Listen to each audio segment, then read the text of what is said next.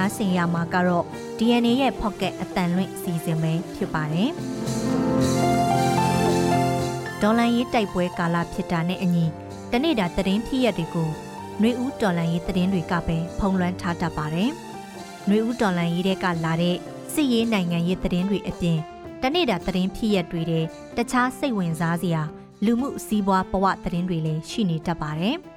ဒီကနေ့မေလ17ရက်မှာရရှိတဲ့တနေ့တာသတင်းဖြစ်ရက်တွေတဲကသတင်းတချို့ကို DNA ရဲ့ Pocket အစီအစဉ်မှာစူးစီးဖော်ပြပေးလိုက်ပါတယ်။ဒီစီစဉ်ကိုတော့ကျမနန်းခမ်းနဲ့အတူကျွန်တော်မောင်သိန်းကစူးစီးတင်ဆက်ပေးသွားမှာပါ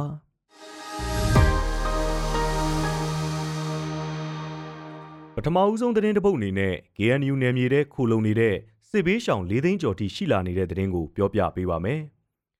စစ်တပ်ကအာဏာသိမ်းပြီးချိန်ကနေလက်ရှိအထိနှစ်နှစ်ကျော်အတွင်းတိုက်ပွဲတွေနဲ့စစ်ကောင်စီတပ်တွေရဲ့လူခွင့်ရေးချိုးဖောက်မှုတွေကြောင့် KNU ထိန်းချုပ်နယ်မြေတွေထဲခိုလုံနေသူစစ်ရှောင်ဥယေ၄သိန်းကျော်ထိရှိနေပြီလို့ကရင်မျိုးသားစီယုံ KNU ကဒီကနေ့ထုတ်ပြန်အသိပေးပါတယ်။ဒါ့အပြင်တိုက်ပွဲတွေနေ့စဉ်ဖြစ်နေတာနဲ့စစ်ကောင်စီတပ်တွေရဲ့လူခွင့်ရေးချိုးဖောက်မှုတွေကြောင့်ဒေသခံပြည်သူတသိန်းကျော်လောက်ကင်စားတောက်နေတဲ့လုပ်ငန်းခွင်ပျက်စီးခဲ့တယ်လို့ လူဦးရေအမြောက်အများစားဝတ်နေရေးနဲ့ပတ်သက်တဲ့အခက်အခဲတွေနဲ့ရင်ဆိုင်ကြုံတွေ့နေကြရတယ်လို့လည်းဖော်ပြထားပါတယ်။ကရင်မျိုးသားအစည်းအရုံး KNU အနေနဲ့အခုနှစ်ဆန်းဇန်နဝါရီလကနေလက်ရှိအထိပြည်သူ8500အတွက်လစဉ်စားနပ်ရိက္ခာတွေထောက်ပံ့ပေးနေပြီးစစ်ဆောင်ပြည်သူတွေဟာစားနပ်ရိက္ခာမလုံလောက်မှုနေရာထိုင်ခင်းအတွက်အမိုးအကာစေဝါမလုံလောက်မှုတွေနဲ့ရင်ဆိုင်နေကြရတယ်လို့လည်းဆိုပါတယ်။စစ်ဘေးရှောင်ပြည်သူတွေအတွက် လိုအပ်တဲ့လူသားချင်းစာနာထောက်ထားမှုဆိုင်ရာအကူအညီတွေဝိုင်းဝန်းကူညီပေးမိသူတွေကိုကြိုးစိုးနေပြီးအကူအညီပေးဖို့အတွက်သိရှိလိုတာတွေရှိရင်သတင်းနဲ့ပြန်ကြားရေးဗဟိုဌာနကိုဆက်သွယ်မေးမြန်းဖို့လည်းဖော်ပြထားပါတယ်။ KNU ထိန်းချုပ်နယ်မြေတွေထဲမှာအခုနှစ်အတွင်းတိုက်ပွဲတွေနေ့စဉ်ဖြစ်နေပြီးလေးလအတွင်းစေအုပ်စုတပ်နဲ့ KNU လက်အောက်ခံတပ်တွေကြားတိုက်ပွဲကြီးငယ်ပေါင်း1642ကြိမ်အထိဖြစ်ခဲ့တယ်လို့ဖော်ပြထားပါတယ်။ KNU လက်အောက်ခံတပ်တွေနဲ့စစ်ကောင်စီတပ်တွေဟာ တလကိုတိုက်ပွဲ400လောက်ပုံမှန်ဖြစ်နေပြီးတနေ့ကိုတိုက်ပွဲ10ကြိမ်ကျော်ဖြစ်နေတဲ့သဘောဖြစ်ပါတယ်။အဲ့ဒီလေးလအတွင်းတိုက်ပွဲတွေမှာစစ်ကောင်စီဘက်ကတရင်မှု၄ဦးဒုတရင်မှု9ဦးအပါအဝင်စစ်ကောင်စီတပ်နဲ့နေကြားဆောင် BGF တပ်ဖွဲ့ဝင်စုစုပေါင်း1900ကျော်တိစုံက1200နီးပါးဒဏ်ရာရခဲ့တယ်လို့ဆိုပါတယ်။ KNU လက်အောက်ခံတပ်တွေဖြစ်တဲ့ KNLA နဲ့ KNDO တပ်တွေဘက်ကတော့လေးလအတွင်း59ဦးကြာဆုံးက196ဦးထိခိုက်ဒဏ်ရာရရှိခဲ့တယ်လို့ဖော်ပြထားပါတယ်။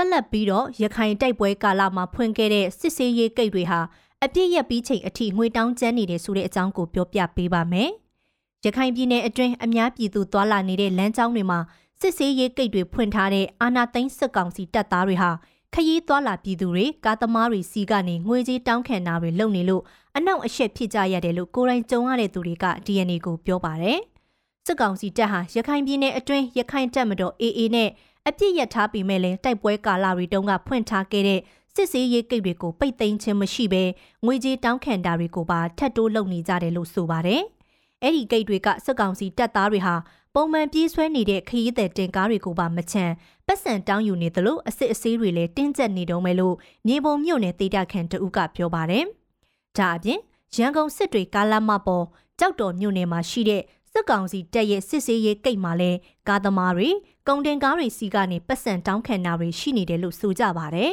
။အာနာသိန်းစစ်ကောင်စီဟာရန်ကုန်စစ်တွေကားလန်းရခိုင်ပြည်နယ်ရဲ့အစအမ်းမြို့ကနေစစ်တွေမြို့အထိစစ်ဆေးရေးကိတ်ပေါင်းဒါဇင်နဲ့ချီဖွင့်လှစ်ထားပြီးတခြားသောမြို့ချင်းဆက်လမ်းတွေမှာလည်းကိတ်တွေဖွင့်ကငွေကြေးတောင်းခံတာတွေလုပ်နေကြတာဖြစ်တယ်လို့ကိုရိုင်းကြုံမှုတဲ့တီတာခံတွေကဆိုပါတယ်။ရခိုင်ပြည်နယ်အတွင်း AA ကထိန်းချုပ်လွှမ်းမိုးထားတဲ့နေရာတွေမှာလည်း AA တပ်ဖွဲ့ဝင်တွေကကိတ်တွေဖွင့်ထားပေမဲ့ စစ်ကောင်စီတပ်သားတွေလိုမျိုးကိုပိုင်ဝင်ငွေအတွက်ငွေကြေးတောင်းခံတာတွေမရှိဘူးလို့ပြောကြပါဗျ။ရခိုင်တပ်တော် AA ကဖွင့်လှစ်ထားတဲ့စစ်စေးရေးကိတ်တွေကငွေကောက်ခံမှုဖြတ်ပိုင်းတွေနဲ့တရားဝင်အခွန်ကောက်ခံတဲ့သဘောကောက်ခံကြတာဖြစ်ပြီးတော့စစ်ကောင်စီကိတ်တွေကတော့စာရွက်စာတမ်းနဲ့တရားဝင်ကောက်ခံတာမျိုးမဟုတ်ဘူးလို့ဒေတာခံတွေကဆိုကြပါတယ်။ ရခိုင်ပြည်နယ်မှာစစ်တပ်နဲ့ AA တို့နှစ်နှစ်ကျော်ကြာတိုက်ပွဲတွေအပြင်းအထန်ဖြစ်ပွားပြီးတဲ့နောက်2020ပြည့်နှစ်ကနေစလို့ AA ကကိုပိုင်ထိန်းချုပ်နယ်မြေတွေမှာစစ်ဆေးရေးကိတ်တွေဖွင့်ကအခွန်ကောက်ခံတာတွေလုပ်တယ်လို့သူတို့ရဲ့နယ်မြေထဲမှာအုပ်ချုပ်ရေးရန်တရားတွေကိုလည်းစတင်တိစောက်ခဲ့ပါတယ်။အလားတူပဲစစ်ကောင်စီတပ်ကလည်းတိုက်ပွဲတွေဖြစ်ပွားပြီးတဲ့နောက်အများပြည်သူတွေသွာလာနေတဲ့ကုန်းလန်းရေလန်းလမ်းမတွေပေါ်မှာဂိတ်တွေအမြောက်အများတိုးချဲ့ဖွင့်လှစ်ခဲ့တယ်လို့ရခိုင်ဒေသခံတွေကပြောပါတယ်။ နောက်ထပ်သတင်းတပုတ်အနေနဲ့စိုက်ကလုန်းမှုန်တိုင်းလေးမော်ရောင်အဆင့်ဖြစ်စတင်သတ်မှတ်ထားကရခိုင်ကမ်းရိုးတန်းကိုဥတီနေတဲ့သတင်းကိုပြောပြပေးပါမယ်။ဘင်္ဂလားပင်လယ်အော်ထဲဖြစ်တည်နေတဲ့မုန်တိုင်းငယ်ဟာမုတ်ချမှုန်တိုင်းအဖြစ်အမည်ပေးလို့ရတဲ့အဆင့်ရှိမုန်တိုင်းတစ်ခုဖြစ်လာပြီးလေမော်ရောင်အဆင့်သတ်မှတ်ထားကရခိုင်ပြည်နယ်ကမ်းရိုးတန်းမြောက်ပိုင်းကိုဥတီနေတယ်လို့စစ်ကောင်စီရဲ့မိုးလေဝသနဲ့ဇလဗေဒညွှန်ကြားမှုဦးစီးဌာနကဒီကနေ့မနက်ပိုင်းမှာထုတ်ပြန်ပါတယ်။မုံတိုင်းကြိုတင်သတိပေးချက်သတ်မှတ်ချက်တွေအရလိမ်မော်ရောင်အဆင့်သတ်မှတ်မှုဟာ မြန်မာနိုင်ငံဘက်ကိုချင်းကပ်လာနေတဲ့ဆိုတဲ့သဘောဖြစ်ပြီး12နာရီအတွင်းကမ်းရိုးတန်းကိုဖျက်ကျော်တော့မဲ့အချိန်မှာတော့အနီရောင်အဆင့်မုံတိုင်းအဖြစ်သတ်မှတ်ခံရမှာဖြစ်ပါတယ်။အဲဒီနောက်ကမ်းရိုးတန်းကိုရိုက်ခတ်နေတဲ့အချိန်မှာတော့အညိုရောင်အဆင့်မုံတိုင်းအဖြစ်သတ်မှတ်ထုတ်ပြန်မှာပါ။စစ်ကောင်စီလက်အောက်ခံမိုးစလဌာနရဲ့ဒီကနေ့မနက်9နာရီထုတ်ပြန်ချက်အရမိုးချစိုက်ကလုန်းမုန်တိုင်းဟာဘင်္ဂလားဒေ့ရှ်နိုင်ငံကော့ပဇားမြို့နဲ့မြန်မာနိုင်ငံကြောက်ဖြူမြို့ကြားကနေဖြတ်ကျော်ဝင်ရောက်နိုင်တယ်လို့ဖော်ပြထားပါတယ်။ လူမှုကွန်ရက်ပေါ်မှာလူသိများတဲ့မိုးလေဝသစောင့်ကြည့်သူတဦးဖြစ်တဲ့ဦးဝင်းနိုင်ကတော့အဲ့ဒီမုန်တိုင်းဟာလက်ရှိမှာ 01B လို့အမည်ပေးထားတဲ့မုန်တိုင်းအဆင့်မှာရှိနေပြီးစစ်တွေမြို့ကိုဝင်ရောက်နိုင်ခြေအမြင့်ဆုံးရှိနေတယ်လို့ကမ္ဘာတဘာဝဘေးဆိုင်ရာတတိပေးချက်ထုတ်ပြန်ချက်နဲ့ပူးပေါင်းဆောင်ရွက်ခြင်းစနစ်ရဲ့အချက်လက်တွေကိုကိုးကားတတိပေးထားပါတယ်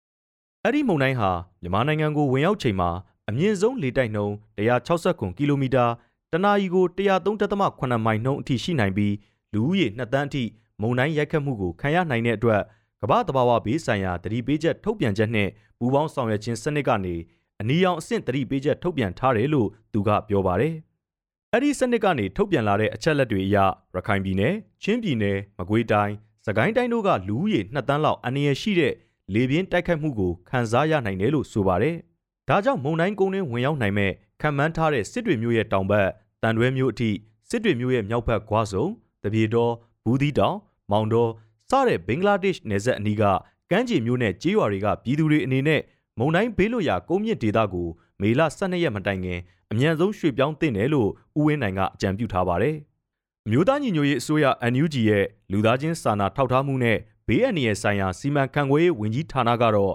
မနေ့ကညနေပိုင်းထိခန့်မှန်းချက်တွေအရရခိုင်ကမ်းရိုးတန်းမြောက်ပိုင်းဒေသဖြစ်တဲ့စစ်တွေခရိုင်ဟာမုန်တိုင်းကြောင့်ဘေးအန္တရာယ်ကြားရောက်နိုင်ခြေ အမြင့်ဆုံးရှိနေတယ်လို့မနေ့ကညပိုင်းမှာထုတ်ပြန်ထားပါတယ်။ပလဲမြို့နယ်ကံကြောင်ရဲစခန်းတိုက်ခိုက်ခံရတဲ့အကြောင်းကိုဆက်လက်ပြောပြပေးပါမယ်။စကိုင်းတိုင်းပလဲမြို့နယ်ကံကြောင်ကျေးရွာမှာရှိတဲ့စစ်အုပ်စုရဲ့နယ်မြေရဲစခန်းကိုတေတကာကွယ်ရေးပူးပေါင်းအဖွဲ့တွေကဝင်ရောက်စီးနင်းတိုက်ခိုက်ခဲ့လို့စစ်အုပ်စုဖက်က10ဦးလောက်တေဆုံးနိုင်တယ်လို့ M7 People Defense Army တပ်ဖွဲ့ကတာဝန်ခံပုံမြတ်ကပြောပါတယ်။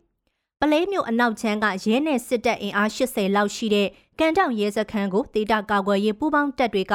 မနေ့ကမေလ10ရက်ညပိုင်းမှာဝင်ရောက်ပစ်ခတ်တိုက်ခိုက်ခဲ့တာဖြစ်ပြီးတိုက်ပွဲဖြစ်ပွားချိန်3နာရီအတွင်းအပြန်အလှန်ပစ်ခတ်ရင်းတိုက်ပွဲပြင်းထန်ခဲ့တယ်လို့သူကဆိုပါတယ်။တိုက်ပွဲအတွင်းတစ်ဖက်နဲ့တစ်ဖက်မီတာ80အကွာလောက်အထိအနီးကပ်ပစ်ခတ်တိုက်ခိုက်ခဲ့ကြပြီးရဲစခန်းမရောက်ခင်သုံးထပ်ဘန်ကာကိုမဖြိုနိုင်ခဲ့တာကြောင့်စခန်းအထိတော့မတိုးနိုင်ခဲ့ဘူးလို့ M7 ပြပ Defense Army တပ်ဖွဲ့က ဒါဝင်ခံပုံမြတ်ကတိုက်ပွဲအခြေအနေကိုပြောပြပါဗျ။အဲ့ဒီတိုက်ပွဲမှာကာကွယ်ရေးတွေဖက်ကတအုပ်ပြင်းထန်ဒဏ်ရာရခဲ့တယ်လို့ဒဏ်ရာရသူစုစုပေါင်း6ဦးရှိတယ်လို့သိရပါတယ်။တိုက်ပွဲအတွင်းနှစ်ဖက်ထိခိုက်သေးဆုံးမှုအခြေအနေတွေကိုတော့ DNA ကတီးခြားအတီးမပြုတ်နိုင်သေးပါဘူး။မနေ့ကညပိုင်းမှာတိုက်ပွဲဖြစ်ခဲ့တဲ့ကန်တောင်ရဲစခန်းဟာ ဗလဲကန်ကောလမ်းမပေးမှာရှိပြီးတော့တိုက်ပွဲကြောင့်တိတ်တက်ခံတွေတင်းရှောင်ကြတာရှိသလိုတိုက်ပွဲအပြီးဒီကနေ့မှာတော့တင်းရှောင်သွားသူတွေတဲကတချို့ရွာကိုပြန်လာကြပြီလို့တိတ်တက်ခံတူကပြောပါတယ်။နောက်ဆုံးသတင်းတစ်ပုဒ်အနေနဲ့ကလေးမျိုးနယ်မြောက်ပိုင်းမှာတိုက်ပွဲဖြစ်ပြီး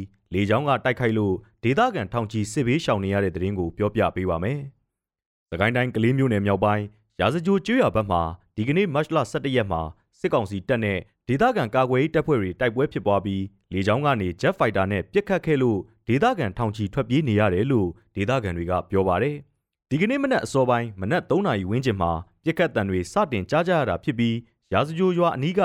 နန်းကျင်းဆောင်ရွာဘက်ကိုစစ်ကောင်စီကလေကြောင်းနဲ့တိုက်ခိုက်တာတွေ့ရတယ်လို့ကလေးမျိုးမြောက်ပိုင်းဒေသခံတအူးကပြောပါတယ်။အဲ့ဒီလေကြောင်းတိုက်ခိုက်မှုကြောင့်ဒေသခံကာကွယ်ရေးတပ်ဖွဲ့ဝင်တအူးကြာဆုံးတယ်လို့ကနအူးသိရပေမဲ့ တိုက်ပွဲအခြေအနေအသေးစိတ်နဲ့တိုက်ပွဲတွင်ထိခိုက်ဒေဆုံးမှုအခြေအနေတွေကိုတော့မသိရသေးပါဘူး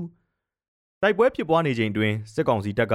လေကြောင်းကနေပြစ်ခတ်တာကြောင့်ရာဇကြိုကျေးရွာနဲ့နန်းချင်းဆောင်ကျေးရွာနှစ်ရွာကပြည်သူထောင်ချီပြီးခုမနက်ပိုင်းမှာထွက်ပြေးတင်းရှောင်ကြရတယ်လို့သိရပါတယ်။စစ်ကောင်စီတပ်ကတိုက်ပွဲဖြစ်ပွားရာကလေးနယ်မြောက်ပိုင်းကိုလေကြောင်းကနေတိုက်ခိုက်တာအပြင်စကန်းကြီးရွာကနေလက်နက်ကြီးတွေနဲ့ပစ်ခတ်ပြီးကလေးမျိုးကနေလဲစစ်ကောင်စီအဖွဲ့ဝင်တွေပါတဲ့ ကားငါးစီးလဲစစ်ကူသွားကြတယ်လို့ဒေသခံတွေကဆိုပါတယ်။စစ်ကောင်စီတပ်ဟာကလေးမျိုးနယ်မြောက်ပိုင်းမှာပြီးခဲ့တဲ့ဧပြီလကစလို့လေကြောင်းတိုက်ခိုက်မှုတွေစတင်ပြုလုပ်ခဲ့တာဖြစ်ပါတယ်။ဧပြီလဆန်းပိုင်းမှာလဲကလေးမျိုးနယ်မြောက်ပိုင်းမှာစစ်ကောင်စီတပ်နဲ့ဒေသခံကာကွယ်ရေးတပ်တွေတိုက်ပွဲဖြစ်ပွားခဲ့ပြီးစစ်ကောင်စီဘက်ကအထိနာခဲ့တယ်လို့ဒေသခံတွေစီကသိရပါတယ်။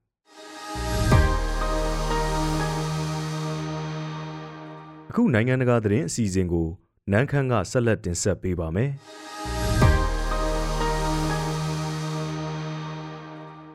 ရုရှားနိုင်ငံတဲကယူရဲတောင်တန်းနဲ့ဆက်ဆက်ရအေရီယာတွေမှာအကြီးအကျယ်တောမီလောင်ကျွမ်းမှုကြောင့်တေဆုံးသူ20ကျော်ထိမြင့်တက်လာကြောင်းသိရပါဗျ။အခုသတင်းပတ်အစောပိုင်းကစတင်ခဲ့တဲ့တောမီဟာရှို့မီးတွေကနေစတင်တယ်လို့အာနာပိုင်တွေကယူဆထားပြီးအသေးအပြောက်ဥယျာဟာနောက်ထပ်တိုးလာနိုင်ချေရှိနေစေလို့သတိပေးထားပါတယ်။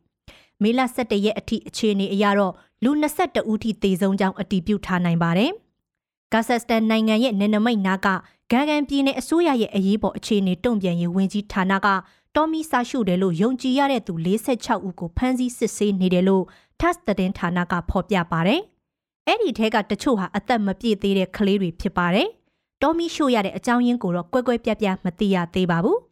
တော်မီပြဿနာဟာရုရှားမှာနှစ်ရှည်လများကြုံနေရတဲ့စိန်ခေါ်မှုတစ်ခုဖြစ်ပြီးနွေရာသီတွေမှာပူပြီးအဖြစ်များတတ်ပါတယ်။ဒါပေမဲ့ပြီးခဲ့တဲ့နှစ်ပိုင်းတွေအတွင်းတော်မီကူးဆက်လောင်ကျွမ်းမှုတွေကပုံမူကျဲပြန့်ပြင်းထန်လာပါတယ်။ဥပမာအနေနဲ့2021ခုနှစ်တော်မီယာတီဟာရုရှားမှာကြုံမှုသမျှဖျက်ဆီးအားအပြင်းထန်ဆုံးဖြစ်ခဲ့ပြီးမြေ area hectare 18.8တန်းကျော်ပြကျခဲ့ပါတယ်။ လောလောဆယ်ယူရဲတောင်တန်းတွေနားမှာလောင်ကျွမ်းနေတဲ့တောမီတွေကိုထိမ့်ချုပ်ငိမ့်သက်ဖို့မိသက်တပ်ဖွဲ့တွေကအစွမ်းကုန်အားထုတ်နေသေးမှာပဲစိုက်ဘေးရီးယားပြည်နယ်မှာလည်းတောမီတွေစတင်အားကောင်းလာနေတယ်လို့ဆိုပါတယ်။နနေရစလုံးကတောမီတွေဟာအရှိန်ကောင်းကောင်းနဲ့ပြန့်နှံ့နေသေးလို့လဲအာနာပိုင်တွေကပြောပါတယ်။လောလောဆယ်တော့ဂါဂန်ပြည်နယ်ကတောမီကူးဆက်ရာနေရာတွေနားမှာအရေးပေါ်အခြေအနေကြီးညာပြီးတေဒခံတွေကြိုတင်တိန်းရှောင်ဖို့နှိုးဆော်ထားတယ်လို့သိရပါတယ်။ ဥရောပရဲ့စစ်မဲ့ရေးရအခြေအနေတွေကိုရေရှည်မျက်ကွယ်ပြုမထားတဲ့တော့ကြောင့်ဖိအားပေးဝေဖန်မှုတွေမြင့်တက်လာတဲ့အချိန်မှာဆွစ်ဇာလန်နိုင်ငံကအကြီးစားစစ်ရေးလေ့ကျင့်မှုတစ်ခုကိုစတင်နေပါတယ်။အစဉ်အလာအရဗတ်မလိုက်နိုင်ငံရေးဝါဒကိုအစဉ်တစိုက်ကျင့်သုံးခဲ့တဲ့ဆွစ်ဇာလန်မှာတော့အခုသတင်းပတ်မှာပြုလုပ်တဲ့စစ်ရေးလေ့ကျင့်မှုမျိုးဟာအတိုင်းအတာပမာဏအရာအရန်ကြီးမားတယ်လို့သတ်မှတ်လို့ရပါတယ်။ဆွစ်ဇာလန်ဟာပတ်မလိုက်ဝါဒကိုလက်ကင်ပြူတယ်ဆိုပေမဲ့ အရေးကြုံလာရင်ကိုပိုင်ကာကွယ်ရေးစွမ်းရည်ဘလောက်မြင့်မြင့်မားမားရှိနေမလဲဆိုတာကိုစမ်းစစ်ဖို့အတွက်အခုလိုစီရေးလှစ်ကျမှုမျိုးလှုပ်ဆောင်ခဲ့တယ်လို့ကာကွယ်ရေးဝန်ကြီးဌာနကပြောပါတယ်။စစ်တီ၄000လောက်ဟာစိတ်ကူးရင်ရန်သူနိုင်ငံတစ်ခုရဲ့ကျူးကျော်မှုကိုခုခံကာကွယ်ပုံစစ်ရေးလှစ်ကျမှုကိုအတိကဒေတာကြီး၄ခုစလုံးမှာ၉ရက်ကြာပြုလုပ်သွားမှာဖြစ်ပါတယ်။ရုရှားယူကရိန်းစစ်ပွဲမှာဆွစ်ဇာလန်အနေနဲ့ကြားနေဝါဒကိုဆွန့်လွတ်ပြီးယူကရိန်းအတွက်ပြီးပြီးပြင်းပြင်းထောက်ပံ့ကူညီပေးတဲ့ကြောင်း ဝေဖန်မှုတွေထွက်ပေါ်နေတဲ့အချိန်မှာဆွစ်ဇာလန်ကဆယ်စုနှစ်၃ခုကျော်ကာလအတွင်းအတိုင်းအတာအကြီးမားဆုံးစစ်ရေးလေ့ကျင့်မှုကြီးကိုတိုက်တိုက်ဆိုင်ဆိုင်ပြုလုပ်လာတာလည်းဖြစ်ပါတယ်။ဆွစ်ဇာလန်အစိုးရကတော့ LUX-23 စစ်ရေးလေ့ကျင့်မှုတွေကို2021ခုနှစ်ကတည်းကကြိုတင်စီမံထားခဲ့တာဖြစ်ပေမဲ့လက်တွေ့ပြုလုပ်ချိန်မှာတော့စစ်ပွဲရဲ့ရိုက်ခတ်မှုတွေအများကြီးရှိလာနိုင်ခဲ့တယ်လို့လေ့လာသူတွေကသုံးသပ်ထားကြပါတယ်။ ဗတ်မလိုက်နိုင်ငံတစ်ခုဖြစ်ပြီးစစ်ပွဲတွေကိုရှောင်နှိပ်ရှိပေမဲ့ဆွစ်ဇာလန်ကြီးတက်ရောလေတက်ပါကြစ်လက်တောင့်တင်းပြီးဤပညာမြင့်ဆက်လက်နက်တွေပိုင်ဆိုင်တဲ့ဖွဲ့စည်းပုံမျိုးကိုပိုင်ဆိုင်ထားကြပါတယ်။ကုန်းပိတ်နိုင်ငံတစ်ခုဖြစ်တာကြောင့်ဆွစ်ဇာလန်မှာရေတက်တော့မရှိပါဘူး။ဆွစ်ဇာလန်စစ်တပ်မှာအမြဲတမ်းတပ်ဖွဲ့ဝင်သက်သိန်းကွဲကျော်ရှိနေတယ်လို့လည်းသိရပါတယ်။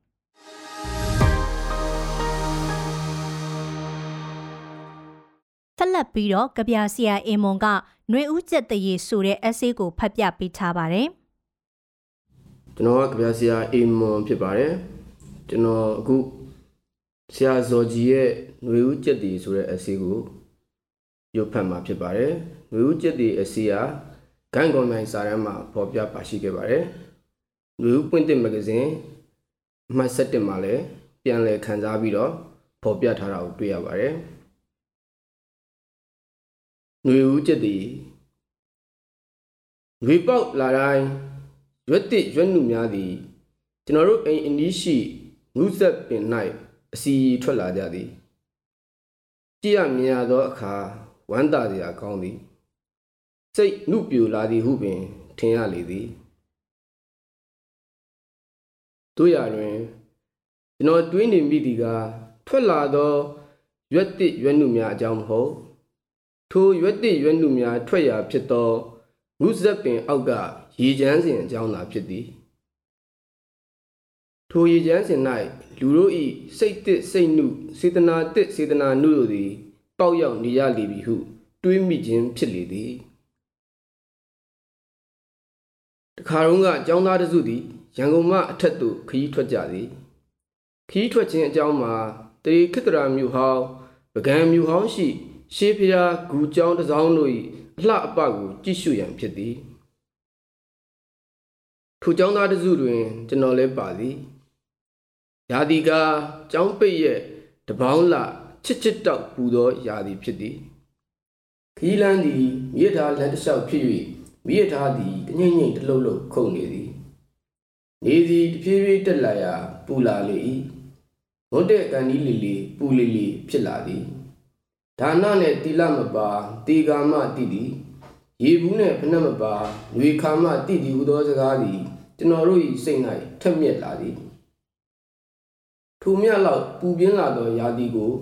ခီးသွွားနေကြသောကျွန်တော်တို့မှာရေဘူးပါမလာခြင်းကြောင့်ဖြစ်ဟန်တူသည်မွန်းတဲ့ကာနီးလေးလေးပူလေးလေးရေငတ်လေးလေးဖြစ်လာသည်ထိုအခါရေဘူးယူမလာရခေါင်းလားဆို၍အချင်းချင်းသူ့ကိုငါမဲငါ့ကိုသူမှန် ပြုတ်ကုန်ကြလေသည်တယောက်ကဟဲ့လူတွေခုမှတောင်ပြောမြောက်ပြောလုံနေကြတယ်ရှေ့ဘူတာရောက်တော့ရေတောင်းတောက်ကြရုံပဲရှိတယ်ဟုငေါက်လိုက်ရာရေငတ်သဖြင့်စိတ်တုန်နေသောကျွန်တော်တို့တစုသည်ငြိမ်ကြသွားရလေသည်သူနှင့်ပင်တတောင်းကဖော်တယောက်ကဘူတာလဲရောက်ခဲလိုက်တာဗျာဟုမိရထားကိုအာမရညီးလိုက်သည်သည်ဤသို့ဖြင့်မိရထားသည်ဘူတာယုံအနီးသို့ချီးကပ်လာလေသည်ဘူ တာရောက်ရင်ရေတောက်လိုက်မဟဲ့ဟုသောအမူအရာဖြင့်မိရထားပြတင်းပေါက်တွင်ခေါင်းပြူတိပြူတိလောက်ရသည်မှာအမောပင်ဖြစ်သည်တောင်းကြသောအခါမိရထားရက်သည်ကျွန်တော်တို့ရေမဲ့ရေငတ်တစုသည်ဝမ်းသာပြီးမဆုံးဖြစ်ကြရသည်တို့ရာတွင်ကျွန်တော်တို့တစုသည်မိရထားမှဆင်းမီပြုတ်ပြီးမှကိုရှိန်တက်လိုက်ကြရသည်လာလာမိမပြူတစုသည်ရေအိုးကိုစီရွက်၍မိရထားပြင်းပေါက်များစီသို့လာ၍ ရေအလိုရှိလျင်ယူကြပါရှင်ရေလူပါれရှင်ဟုဆို၍ရေအိုးများကိုကမ်းပေးကြပါသည်ကျွန်တော်တို့ရေမဲ့ရေငတ်တစုသည်ကမ်းပေးလိုက်သောရေအိုးကိုလှမ်းယူ၍ရေအငတ်ဖြေလိုက်ကြပါသည်ကျွန်တော်တို့ရေတောက်ရာဖြစ်သောဘူတာသည်ကျေးရွာဘူတာခတ်သေးသေးဖြစ်သည်ရေလာတိုက်သောမိမတစုသည်ကျေးရွာသူများဖြစ်ကြသည်ထမင်းကိုဒူးလောက်တူတူဝစ်ကြသည် ညနာတွင်တနခါထူထူပိမ့်ပိမ့်လိမ့်ထားကြသည်ပုံပန်းမှာကောက်ဆိုင်သမားများဖြစ်တန်ရသည်မိရထားသည်ကြာရှည်ရက်နေလေမရှိသဖြင့်ထိုမိမတစုသည် ရေလိုသောမြစ်ထားခီးသည်များရေအစိအငါရအောင်အားထုတ်ကြသည်လေပူစက်ခါကိုသူတို့မသိရေလိုခြင်းသူရေမရလိုက်မည်ကိုသာသူတို့သိကြဟန်တူသည်ထို့ကြောင့်မိမသားတံမဲ့အပြေးအလွှာရေလိုက်ပေးကြခြင်းဖြစ်၏ ထိုရေဒနာရှင်တစုကိုကျွန်တော်တို့ယခုတတိုင်မြင်နေမိသည်သူတို့ဝစ်စားထားသည်မှာချီးတဲ့တပတ်နွမ်းများသာဖြစ်သည်လှုပ်ကြမ်းလှုပ်ကြသူများဖြစ်သည်ဖြင့်ကိုလုံးကိုပေါက်တောင့်တင်းသည်ရုပ်ရည်မှာချောသည်လှသည်ဟုမဆိုသာတို့ရာတွင် သူတို့ဤရေအလှစေတနာရေဝေအမူအရာတို့ကြောင့်ပင်လာမသည်သူတို့ဤရုပ်ရည်သည်ဝမ်းသာစရာကောင်း၍ကျေးဇူးတင်စရာကောင်း၍ ကြည်ညိုစရာကောင်းသည်ဟုထင်မိသည်ထိုအခါကျွန်တော်ကိုယ်ကိုကျွန်တော်ပြန်ကြည့်မိသည်ချက်အင်းကြီးဖြူဖြူစင်စင်နှင့်ပိုးလုံးကြီးနှင့်လက်ပတ်နာရီနှင့်စီမွေးလိမ်ဘိုကီနှင့်ဖြစ်သည်ဤအချင်းရာတို့သည်ယဉ်ကျေးမှုလောဤတို့မေးကြည့်သည်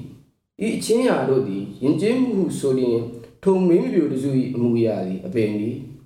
ကျွန်တော်တို့တွားကြည့်မိဟုအားခဲလာခဲ့သော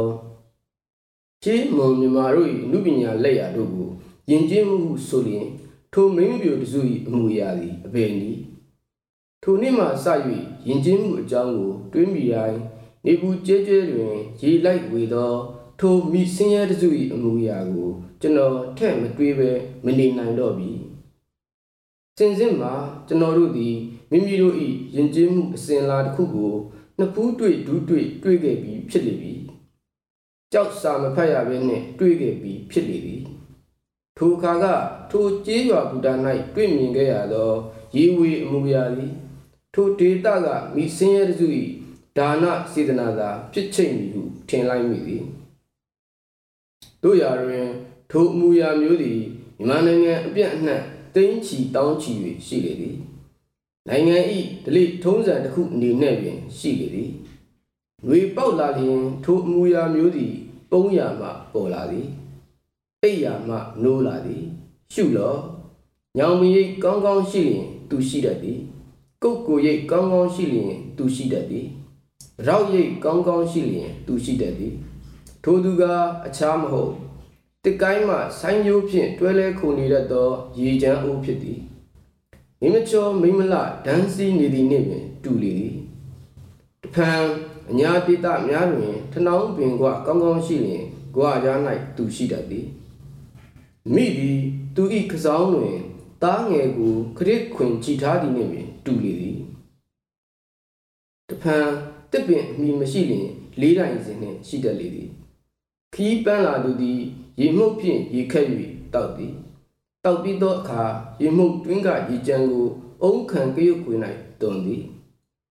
ထို့ကြောင့်မဟုတ်လောမြစ်ပင်စိမ့်လဲလဲတို့သည်ကရုတ်ခွေတွင်ဝိုင်း၍ပေါက်လျက်ရှိတတ်သည်တဖန်ခီးပန်းလာသူသည်ရေချမ်းစဉ်ကပန်းတွင် ရေလူရှင်၏အမိကိုဖတ်ကြည့်ရသည်ဥဟဝါ၏ကောင်းမှုဒေါ်ဟဝါ၏ကောင်းမှုတခါတရံ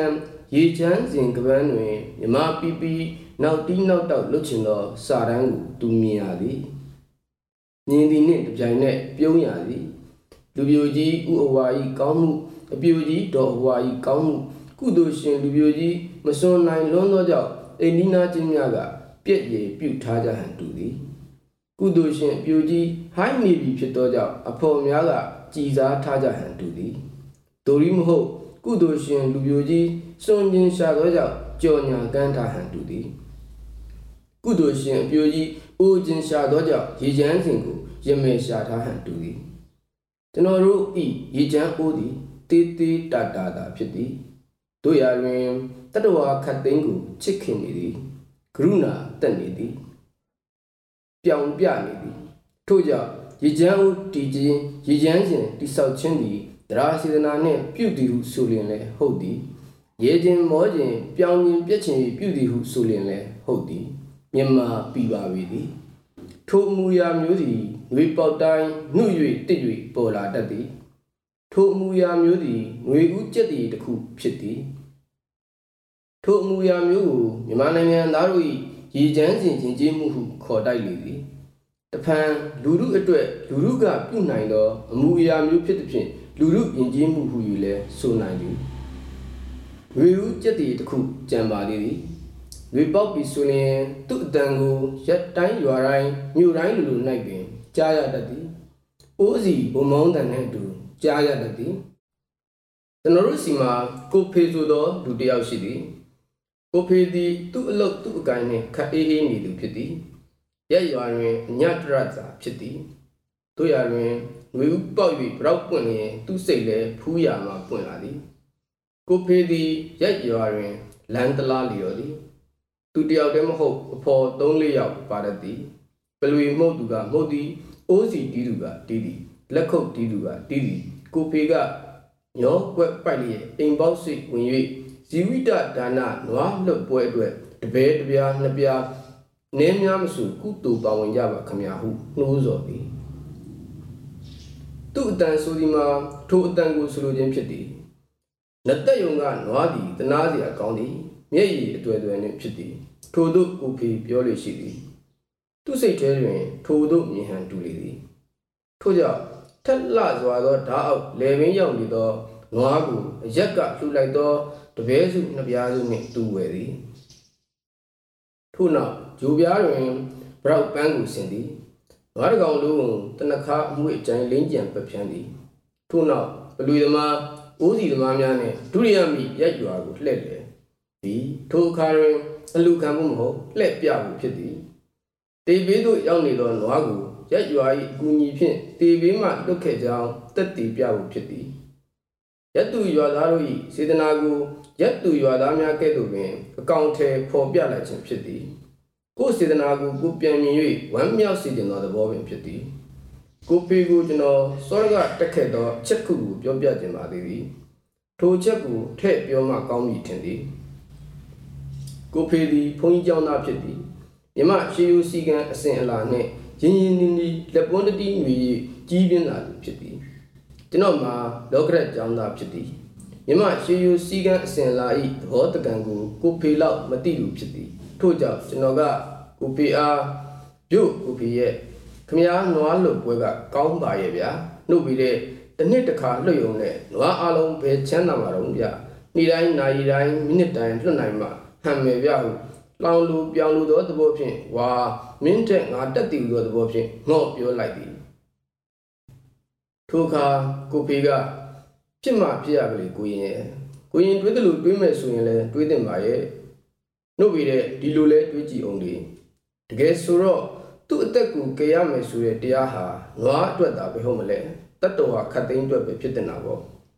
ဒီတော့နွားလွတ်ပွဲရဲ့သဘောကိုဒီလိုယူကြည့်စမ်းပါ နွားလွတ်ပွဲကျင်းပတဲ့အခါတိုင်းဘေးတင်နေတဲ့တတ်တော်မှန်သမျှဒုက္ခိတတတ်တော်မှန်သမျှဟာကဲအပ်ဆောက်အပ်ရှောက်အပ်တဲ့တတ္တဝါတွေပါလားလို့အတိတရားမဖြစ်နိုင်ပြီဘူးလားဗျာဒီအတိတရားဟာကျုပ်တို့ခမရတို့ကိုနှစ်စဉ်နှစ်တိုင်းနှွေးပေါက်တိုင်းနှိုးစော်နေတာနဲ့မတူဘူးလားဗျာဒီတော့ကျင်းပတဲ့ပွဲကအရေးမဟုတ်ပါဘူးဗျာကျင်းပတဲ့ပွဲရဲ့သဘောကအရေးပါဟုကိုပီကကျွန်တော်အား ခက်အေးအေးစစ်စစ်ပြန်ဖြေလိုက်သည်ဟုတ်ပါသည်ကိုပေအပေါ်မှာကျွန်တော်လူလေလုံးမိပြီကျွန်တော်ခေါင်းငုတ်နေလိုက်ရပါသည်မြမပြည်မလွတ်လပ်ခင်တုန်းကငွားလွတ်ပွဲတစ်ပွဲကိုမြင်သဖြင့်နှောင်ဖွင့်တဲ့နေရာတော်ဖြစ်သောကိုတိုင်းကြီးကြီးကိုနွားကြီးကဲ့သို့လွတ်မြောက်စေခြင်းသောစိတ်ကူးကျွန်တော်မှာပေါက်ဖူးသည်လွတ်မြောက်ပါစေဟုလည်းဆုတောင်းမှုသည်ယခုအခါမြမပြည်လွတ်လပ်ပြီပြီတို့ရာတွင် နွားလွတ်ပွဲကိုနှစ်စဉ်နှစ်တိုင်းငွေပေါက်တိုင်းမြင်ကျင်ပါသေးသည်မတော်လောဘနှောင်ဖွဲ့မှမတော်ဒေါသနှောင်ဖွဲ့မှမတော်မာနနှောင်ဖွဲ့မှမြမပြည်သည်ဘေးမဲ့နွားကြီးကဲ့သို့လွတ်မြောက်ပါသည်ဟုဆုတောင်းပြအောင်တတိလိ၍မနေကျင်သောကြောင့်ဖြစ်ပါသည်ရှုလောနောက်ဆုံးကဦးစီဝိုင်းဦးစီတံပလွေတံလင်ကွင်းတံလက်ခုပ်တံတန်ကြက်ထိုးတံတို့သည်မြည်၍လိုက်လာကြသည် ဦးစီဝိုင်းရှိတွင်ဘေးမဲ့နွားကြီးဗရောက်ပန်းနှင့်တနခါနှင့်တိတ်ခါနှင့်လှမ်းခြင်းလှမ်း၍ပါလာသည်နွားကြီးရှိတွင်ကိုဖေးအကကွေး၍ကော့၍ရင်း၍ရန်၍ရှေ့သုံးကတွားသည်ဤသို့လျင်မေတ္တာအမူအရာကရုဏာအမူအရာ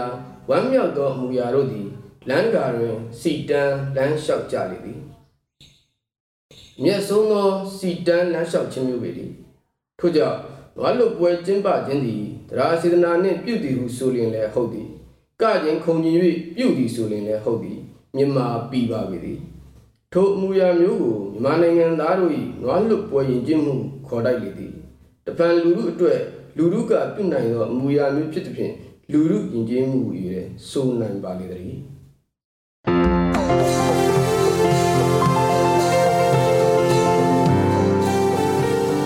DNA ရဲ့ Pocket အတန်ရင်းအစီအစဉ်ကိုအပတ်စဉ်တနင်္လာနေ့ကနေတောက်ကြနေ့အထိည9:00နာရီတိုင်းမှာတင်ဆက်ပေးသွားမှာပဲဖြစ်ပါတယ်။ဒီအစီအစဉ်ကိုတော့ DNA ရဲ့ Facebook Page ကနေအပြင် Anchor, Spotify နဲ့ Google Pocket တို့တွေကနေတဆင့်လဲနားဆင်နိုင်ပါတယ်ရှင်။